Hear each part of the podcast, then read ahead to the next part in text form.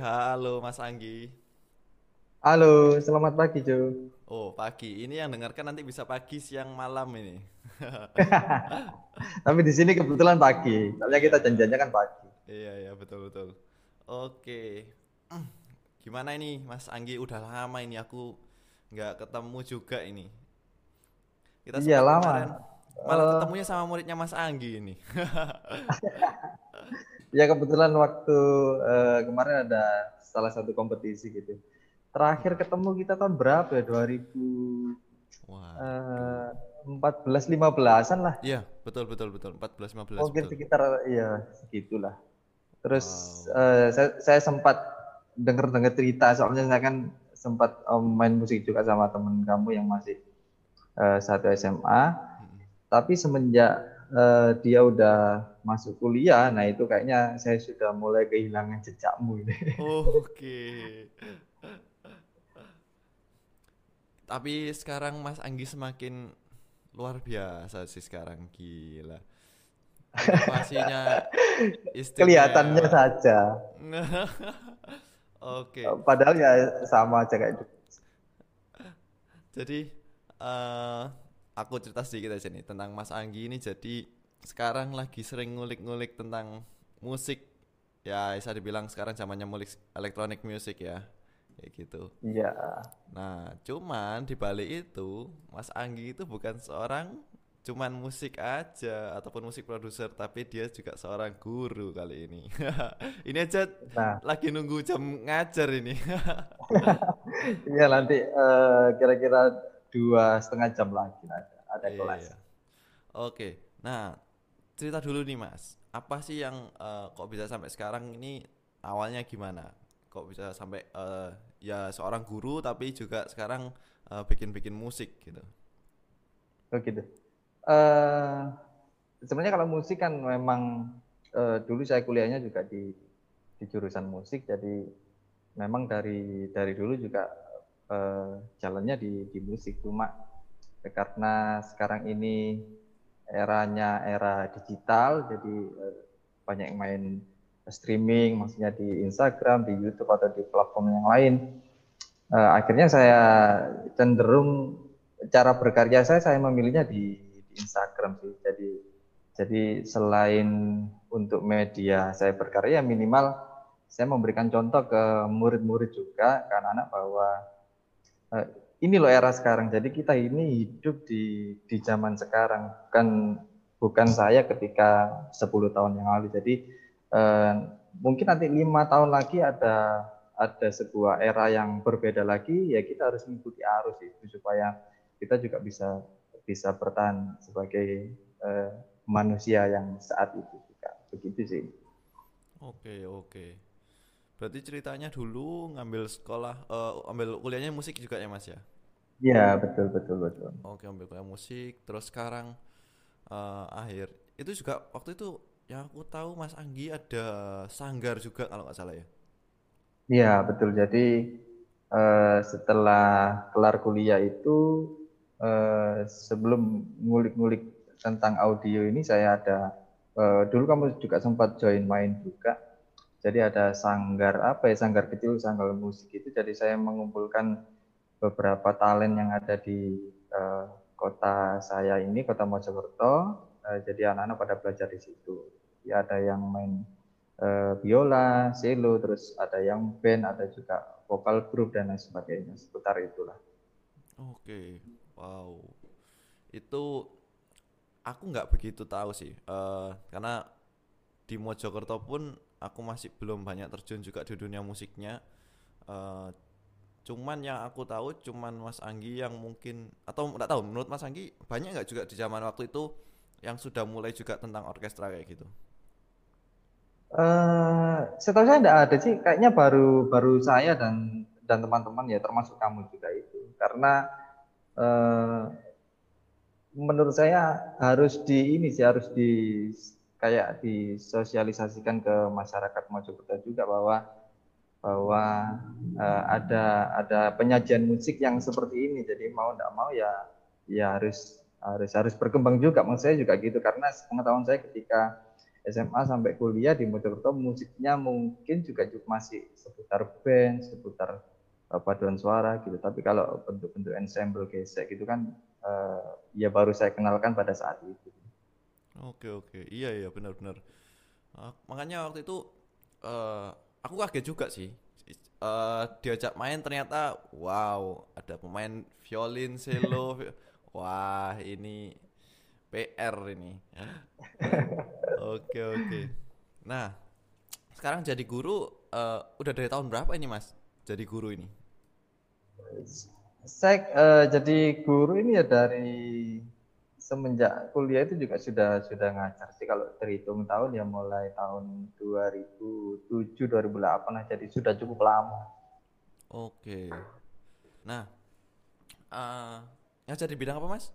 Sorry. Ngajarnya sama di di di kesenian, maksudnya di seni budaya kalau di mata pelajaran oh, di kalau mata pelajaran eh, SMA SMK itu namanya kan seni budaya jadi uh, nah saya ambil kejuruannya dulu waktu kuliah kan ambil seni musik. Jadi eh, teman-teman atau murid-murid saya itu juga kalau belajar sama saya ya belajar seni musik juga. Oke. Nah, uh, ini kan uh, bisa dibilang ya senior saya lah Mas Anggi ini. Cuman tidak berhenti di kondisi yang oke okay, sudah merasa apalagi kan sudah tahu uh, bisa mengaransemen orkestra dan lain-lain kan jadi kayak eh, nggak uh, gampang untuk menerima hal baru. Biasanya orang-orang yang udah lama kan nggak gampang menerima hal baru ini. Nah yeah, iya, tapi yeah, kenapa kok bisa tertarik untuk oke okay, ya salah satu di alasannya kan untuk ya membuat murid-muridnya juga uh, memberikan contoh untuk murid. Tapi apa titik, titik turning pointnya bahwa Mas Anggi ini oh ini kayaknya menarik deh. Aku harus uh, belajar ini tentang hal ini hal yang baru ini. Ya yeah uh, saya lebih ke ini sih apa uh, eh, IT teknologinya. Jadi uh, kalau yang yang kamu katakan memang memang betul sekali. Jadi jadi fakta di lapangan memang, memang seperti. Uh, mohon maaf contohnya teman-teman saya seprofesi sama-sama guru itu yang mereka yang orang-orang uh, lama itu cenderung memang susah move untuk belajar ke hal yang baru karena ya dari kebiasaan sebenarnya kalau saya simpulkan secara pribadi nah, eh, di uh, titik tertentu waktu itu saya masih ingat sekali ketika tahun 2014 15 nah saya punya baru punya akun di Instagram terus kayaknya waktu itu YouTube juga masih belum serambi sekarang. Sebenarnya saya sudah bisa memprediksi kayaknya dua tiga tahun ke depan media ini pasti akan akan rame di di sosial yang ini begitu. Terus akhirnya uh, beberapa bulan kemudian kira-kira lima enam bulan saya baru cek-cek postingan di Instagram di YouTube itu memang banyak tentang musik musik cover pada waktu itu saya masih ingat. Jadi uh, terus kemudian apalagi sekarang ini yang lebih menguntungkan adalah ditunjang dengan fasilitas fasilitas fasilitas audio recording itu yang dulunya waktu saya kuliah itu uh, price-nya sangat mahal sekali. Jadi sekarang kan uh, kita bikin home recording mungkin dari dengan budget eh, tiga empat juta sudah sudah cukup sekali. Nah dari dari situlah sebenarnya saya punya keinginan, kayaknya ini media berkarya saya yang dulunya ini uh, offline maksudnya di di sanggar terus akhirnya saya move ke ke online itu seperti itu sih. Iya iya betul. Uh, dan dengan alat yang bisa dibilang mungkin home recording tapi yang aku tahu Mas Anggi ini udah banyak dapat uh, trofi macam-macam ini sudah apa pun lombanya ini sudah pernah diikuti dan menurutku kalau aku jadi muridnya Mas Anggi aku malu sih karena wah ini sudah udah, harusnya zamannya kita yang ngerti tentang teknologi dan lain-lain tapi malah nggak partisipasi dalam apa pun itu kompetisinya gitu loh. Keren, ya, sih, Mas maksud saya juga memang arah saya ke situ dalam artian begini minimal kalau saya diajak ngobrol sama anak sekarang itu masih nyambung gitu. Sebenarnya konteksnya yang saya bidik itu ya hanya hanya sebatas itu. Jadi kalau masa saya sebagai uh, pengajar musik di sebuah sekolah tapi kalau saya diajak bicara tentang misalkan musik cover atau audio recording masa saya nggak nyambung? Berarti saya kan termasuk uh, orang yang era lama. Mohon maaf begitu maksudnya Oke, setuju setuju. Nah, uh, sama sih karena nggak cuman guru di sekolah maupun apa pun guru musik bahkan yang di sekolah musik pun itu mungkin masih ada juga yang pakai-pakai cara lama kan masih an. Mereka nggak mau apa mengerti tentang dunia digital, masih bilang apa itu uh, audionya kok diedit-edit gitu. Nah, nah iya. masih masih ada gitunya kadang. Nah, nah ya betul betul. Itu. Jadi memang uh, benar sih penting karena sekarang zamannya digital apa pun bahkan mungkin dalam dunia recording pun yang mungkin Mas Anggi juga tahu kan uh, orang juga nggak gampang untuk pindah ke digital. Dulu kan zamannya analog ya. masih kan Nah itu masih ya, jadi perdebatan. Betul. Apakah digital lebih baik daripada analog kayak gitu? Nah, ya, ya uh, kalau uh, pendapat saya pribadi ya kita harus mengikuti zaman juga sih. Jadi kalau dulu kan yang disebut uh, recording itu uh, virtual instrumennya VST-nya kan mungkin nggak sekaya yang sekarang gitu terus. Apalagi kalau uh, dulu itu masih analog ya manual banget, maksudnya kita kita mau isi suara perkusi ya benar-benar stick drum terus kemudian kalau mau ngisi piano juga harus pakai piano yang uh, pressnya agak mahal jadi hmm. supaya voice-nya juga banyak tapi sekarang dengan adanya VST itu kan salah satu bentuk ya peralihan dari analog ke digital itu juga memang ada transisi yang yang seperti kamu bilang tadi ada banyak perdebatan juga. Iya iya iya. Soalnya menurutku juga opini dari aku sih pribadi itu nggak bisa dibandingkan antara analog dan digital jadi ya digital is digital analog is analog nggak bisa dibandingkan. Walaupun ada yang digital yang di apa istilahnya uh, barang analog yang didigitalkan. Cuman kan masih nggak bisa nggak bisa disa, disamakan kayak gitu.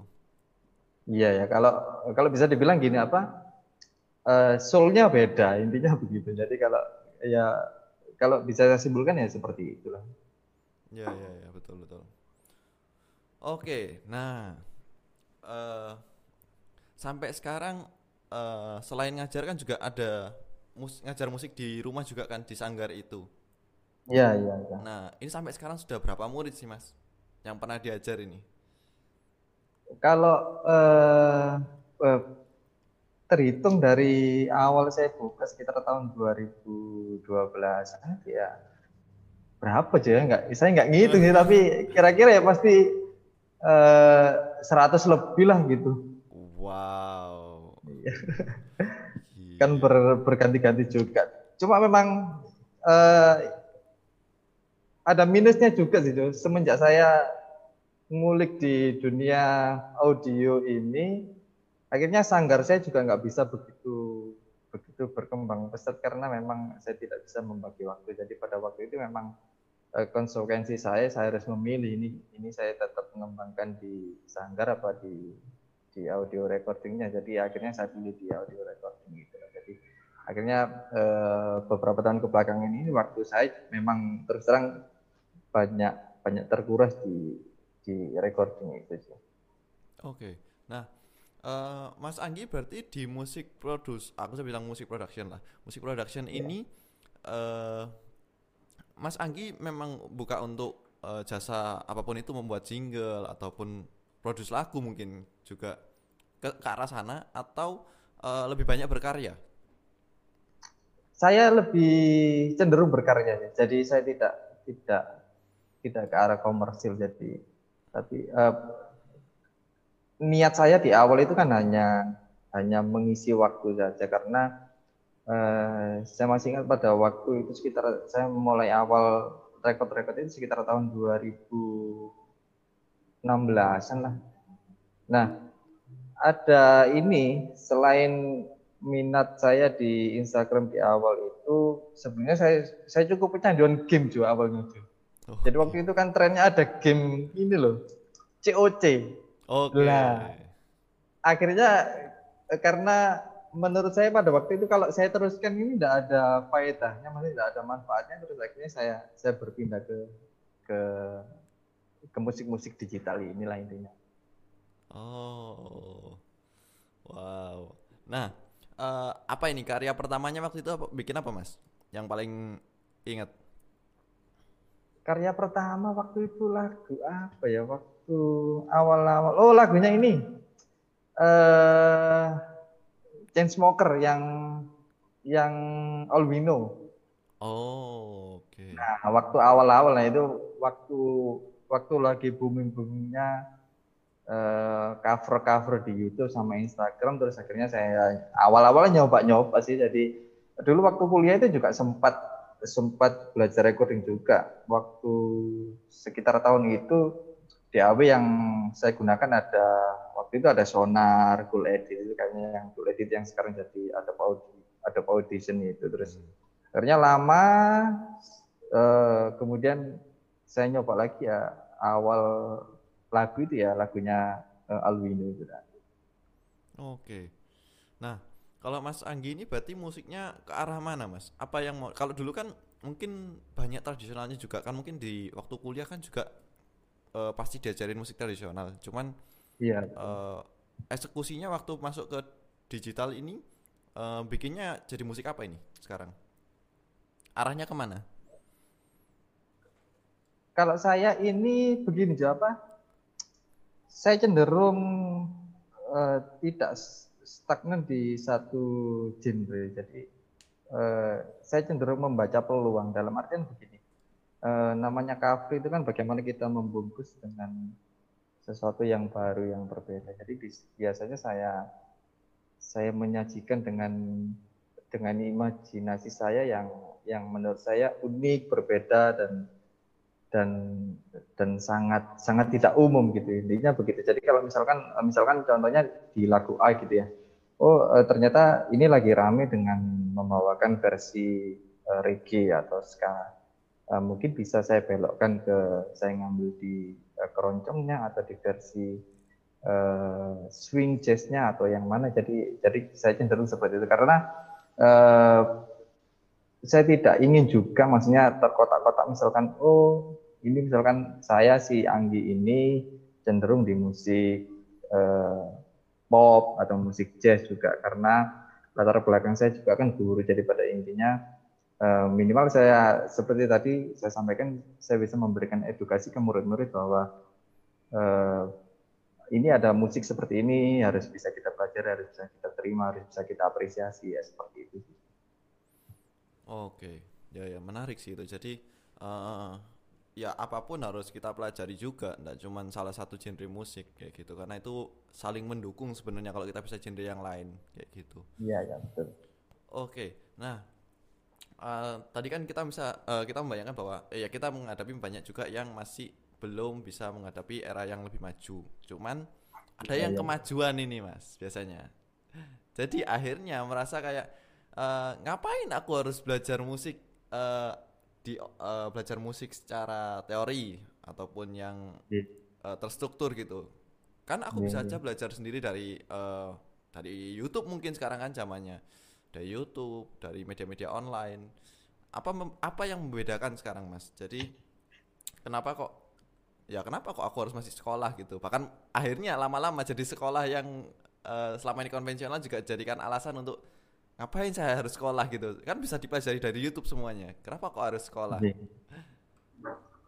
Uh, bedanya yang yang paling mendasar itu seperti ini. Kalau kita belajar ini saya dapat dapat pesan juga sih dari salah satu dosen saya juga. Jadi sebaiknya kalau belajar di bidang musik terutama yang larinya ke teknik memang kalau bisa ada pendampingan dari guru.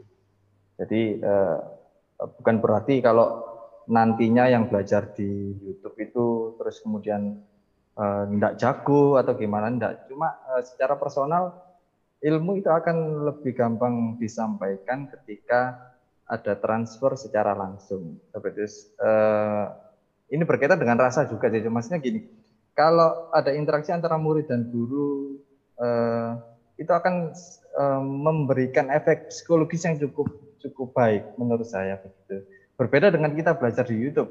Sama saja kita belajar dengan uh, dengan robot intinya kan begitu. Jadi kalau kalau uh, karena uh, proses belajar yang baik itu ya selain adanya transfer ilmu juga harus mendukung secara psikologis misalkan bagaimana guru itu menggugah muridnya untuk terus uh, termotivasi untuk belajar. Nah, hal-hal seperti itu menurut saya yang yang yang paling harus ditekan ya itu sih. Nah, kenapa kok harus sekolah musik? Kenapa kok nggak belajar autodidak saja?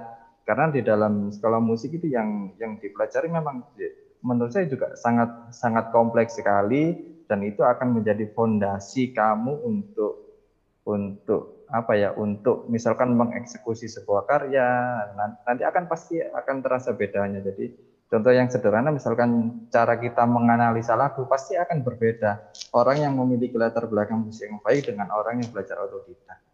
Jadi eh, secara menjelaskan apalagi kalau di bidang pendidikan jadi eh, makanya kalau kalau saya berbicara tentang latar belakang musik eh, saya cenderung memilih partner kerja yang memang latar pendidikannya itu memang benar-benar di bidang musik karena itu nanti akan memudahkan saya untuk misalkan menjelaskan ke murid-murid nah, seperti itulah. Iya iya setuju sih mas. Jadi uh, lama-lama pakai bahasa yang aneh-aneh kalau orang yang nggak pernah belajar tentang teori musik. Jadi nanti bilangnya iya uh, ada patahannya di sini ya, gini ya, gini ya. Nah, ya jadi aneh kan, pakai bahasa apa kalian ini? Iya. uh, misalkan uh, apa ya, misalkan main lead gitu. Ini kok bisa larinya ke sini? Ya ketemunya ini, pokoknya enaknya gini, feelingnya gini. Pasti uh, akhirnya langsung bisa saya simpulkan, oh, ini pasti otodidak orang ini gitu. Ya. Jadi tapi bukan berarti bukan berarti kalau yang otodidak nggak jago, nggak gitu juga. Tapi pada intinya uh, belajar musik uh, kalau kita ada pendampingan, ada gurunya, apalagi kalau kita sekolah musik itu akan lebih mudah kita untuk menganalisa intinya begitu. Dan itu menurut saya adalah hal yang penting untuk fondasi fondasi kita secara personal atau secara Ya betul. Jadi uh, ya memang teori itu tidak bisa dipungkiri bahwa itu penting, sangat penting untuk mendasari kita, jadi basicnya kita, gitu. Nah, uh, ini kan unik ya mas. Uh, mas Anggi ini termasuk manusia unik yang ada di kota kecil terkecil di Indonesia loh. Kota terkecil di Indonesia. yeah, yeah, yeah. nah uh, kenapa kok bisa uh, ini kan kenapa mau orang jadi orang yang sangat berbeda? Ini kan tidak gampang diterima sama orang-orang yang ya orang-orang di daerah lah bisa dibilang. Itu kan tidak semudah itu untuk menerima hal-hal yang baru gitu. Tapi kenapa Mas Anggi yeah. bisa apa yang buat Mas Anggi terbuka pemikirannya terus belajar dari mana juga waktu itu? Uh, kadang saya waktu itu saya berpikir begini sih, maksudnya kayak misalkan uh, saya mengikuti sebuah uh, kompetisi atau apa gitu lah. Uh, pikiran saya cenderung begini, saya ini dari dari kota yang kecil, uh, apa ya ndak bisa ya? Apa ya gak iso bersaing sama orang-orang yang misalkan dari dari Jakarta dari Bandung seperti itu. Sebenarnya uh, itu salah satu yang membuat membuat saya termotivasi. Ya minimal ini loh di Mojokerto ada. Maksudnya kalau kita sama-sama niat dan sama-sama berpikir ya pasti kita akan bisa bisa uh, berkompetisi. Kemudian uh, kenapa kok saya harus menjadi uh, memilih sesuatu yang unik ya ya soalnya saya cenderung uh, tidak bisa berhenti berimajinasi seperti itu. Jadi kadang-kadang kalau saya malam itu saya tipe orang yang tidurnya malam itu larut banget. Jadi kadang kalau mau tidur saya mikir ke mana-mana. Ini enaknya gimana ya? Ini enaknya apa ya? Ini apa ya? Jadi jadi seperti itu. Oke, iya kebanyakan orang seni memang tidurnya malam sih mas, dan mereka ma baru malam baru mendapatkan inspirasinya. Mungkin karena yeah. tenang ya, karena kan sepi kalau malam. Iya iya iya. iya. Tapi memang benar sih kesimpulannya berarti uh, setiap orang tuh punya kemampuan yang sama. Kalau kita mau berusaha semuanya pasti bisa di mana pun kita berada, walaupun itu di daerah ataupun di kota, itu bukan jadi alasan untuk kita nggak bisa melakukan sesuatu gitu. Karena kemarin uh, ya ini salah satu uh, kalimat yang sama yang keluar dari sempat yang saya ikut salah satu acara kompetisi itu yeah. Ya. uh, ya Eka Gustiwana sendiri bilang bahwa uh, sekarang tuh udah zamannya kalian mau di mana aja produksi kalian pasti bisa nggak mungkin nggak ada lagi alasan untuk oke okay, yang bisa cuman yang bisa di kota gitu ya itu bukan alasan lagi zaman sekarang gitu Iya, gitu ya. sih. Ya, Jadi intinya seperti itu. Jadi apa? eh, minimal ada lah di Mojokerto. Maksudnya juga begitu. Nanti eh, semoga saja setelah saya nanti pasti ada siapa, siapa, siapa gitu. Nah, minimal ada contohnya dulu. Kasarannya kan gitu. betul betul betul. Tapi itu keren sih, keren sih mas. Itu pasti jadi eh, jadi tolak ukurnya eh, teman-teman di sana juga di Mojokerto juga untuk berkembang lebih lagi. Nggak nggak cuman stop di ya itu merasa sudah oke aku main band aku main orkestra sudah keren sudah selesai titik sampai situ. Kalau kita stop Iya, di iya, sana betul. pasti ya ya kita harus harus bisa adaptasi dengan kemajuan teknologi juga gitu. Ya, harusnya kan dikemas bersama.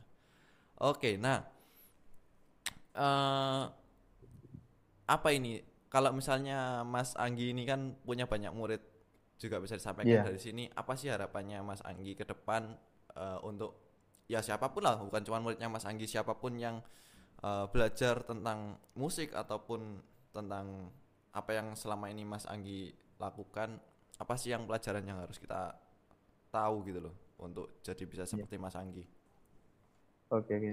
Eh, ketika biasanya kalau saya melakukan sesuatu dan ini untuk pesan untuk teman-teman juga sih, enggak, enggak harus di pelaku musik. Kalau saya melakukan sesuatu, misalkan mengerjakan apa, ada proyek apa, saya itu selalu total juga. Dalam artian begini, entah misalkan kita ngomong kasarnya begini, budgetnya habis berapa, udah eh, masukkan aja semuanya, maksudnya yang yang saya mampu.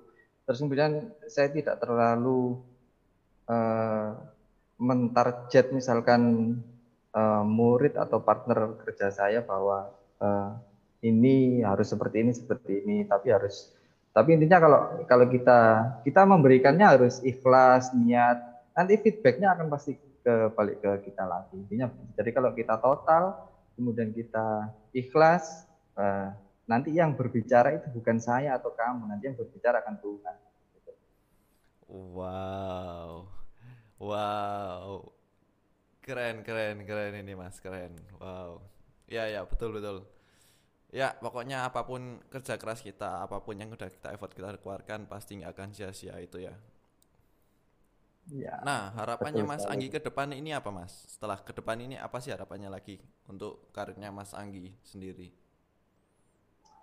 Eh, saya eh, kalau di bidang audio digital sebenarnya tidak ada target khusus. Maksudnya saya harus misalkan eh, mungkin teman-teman musik produser sangat banyak sekali target. Misalkan harus mengeluarkan single ini, terus kemudian eh, nanti berapa tahun harus mengeluarkan album. Tapi eh, di musik produser ini saya cenderung sebagai ini sih untuk mengisi waktu luang saja. Jadi eh, untuk target ke depan yang saya inginkan sebenarnya hanya bagaimana konten saya ini menjadi sesuatu yang bermanfaat untuk murid-murid dan orang sekitar. Jadi minimal saya memberikan contoh, terus kemudian eh, eh, karena sampai hari ini pun saya tidak ingin sebenarnya, eh, maksudnya eh, masuk di industri musik. Jadi karena di produser musik ini saya hanya sifatnya untuk mengisi waktu. Saya hanya ingin menjadi seorang guru saja. Kayaknya itu yang memang harus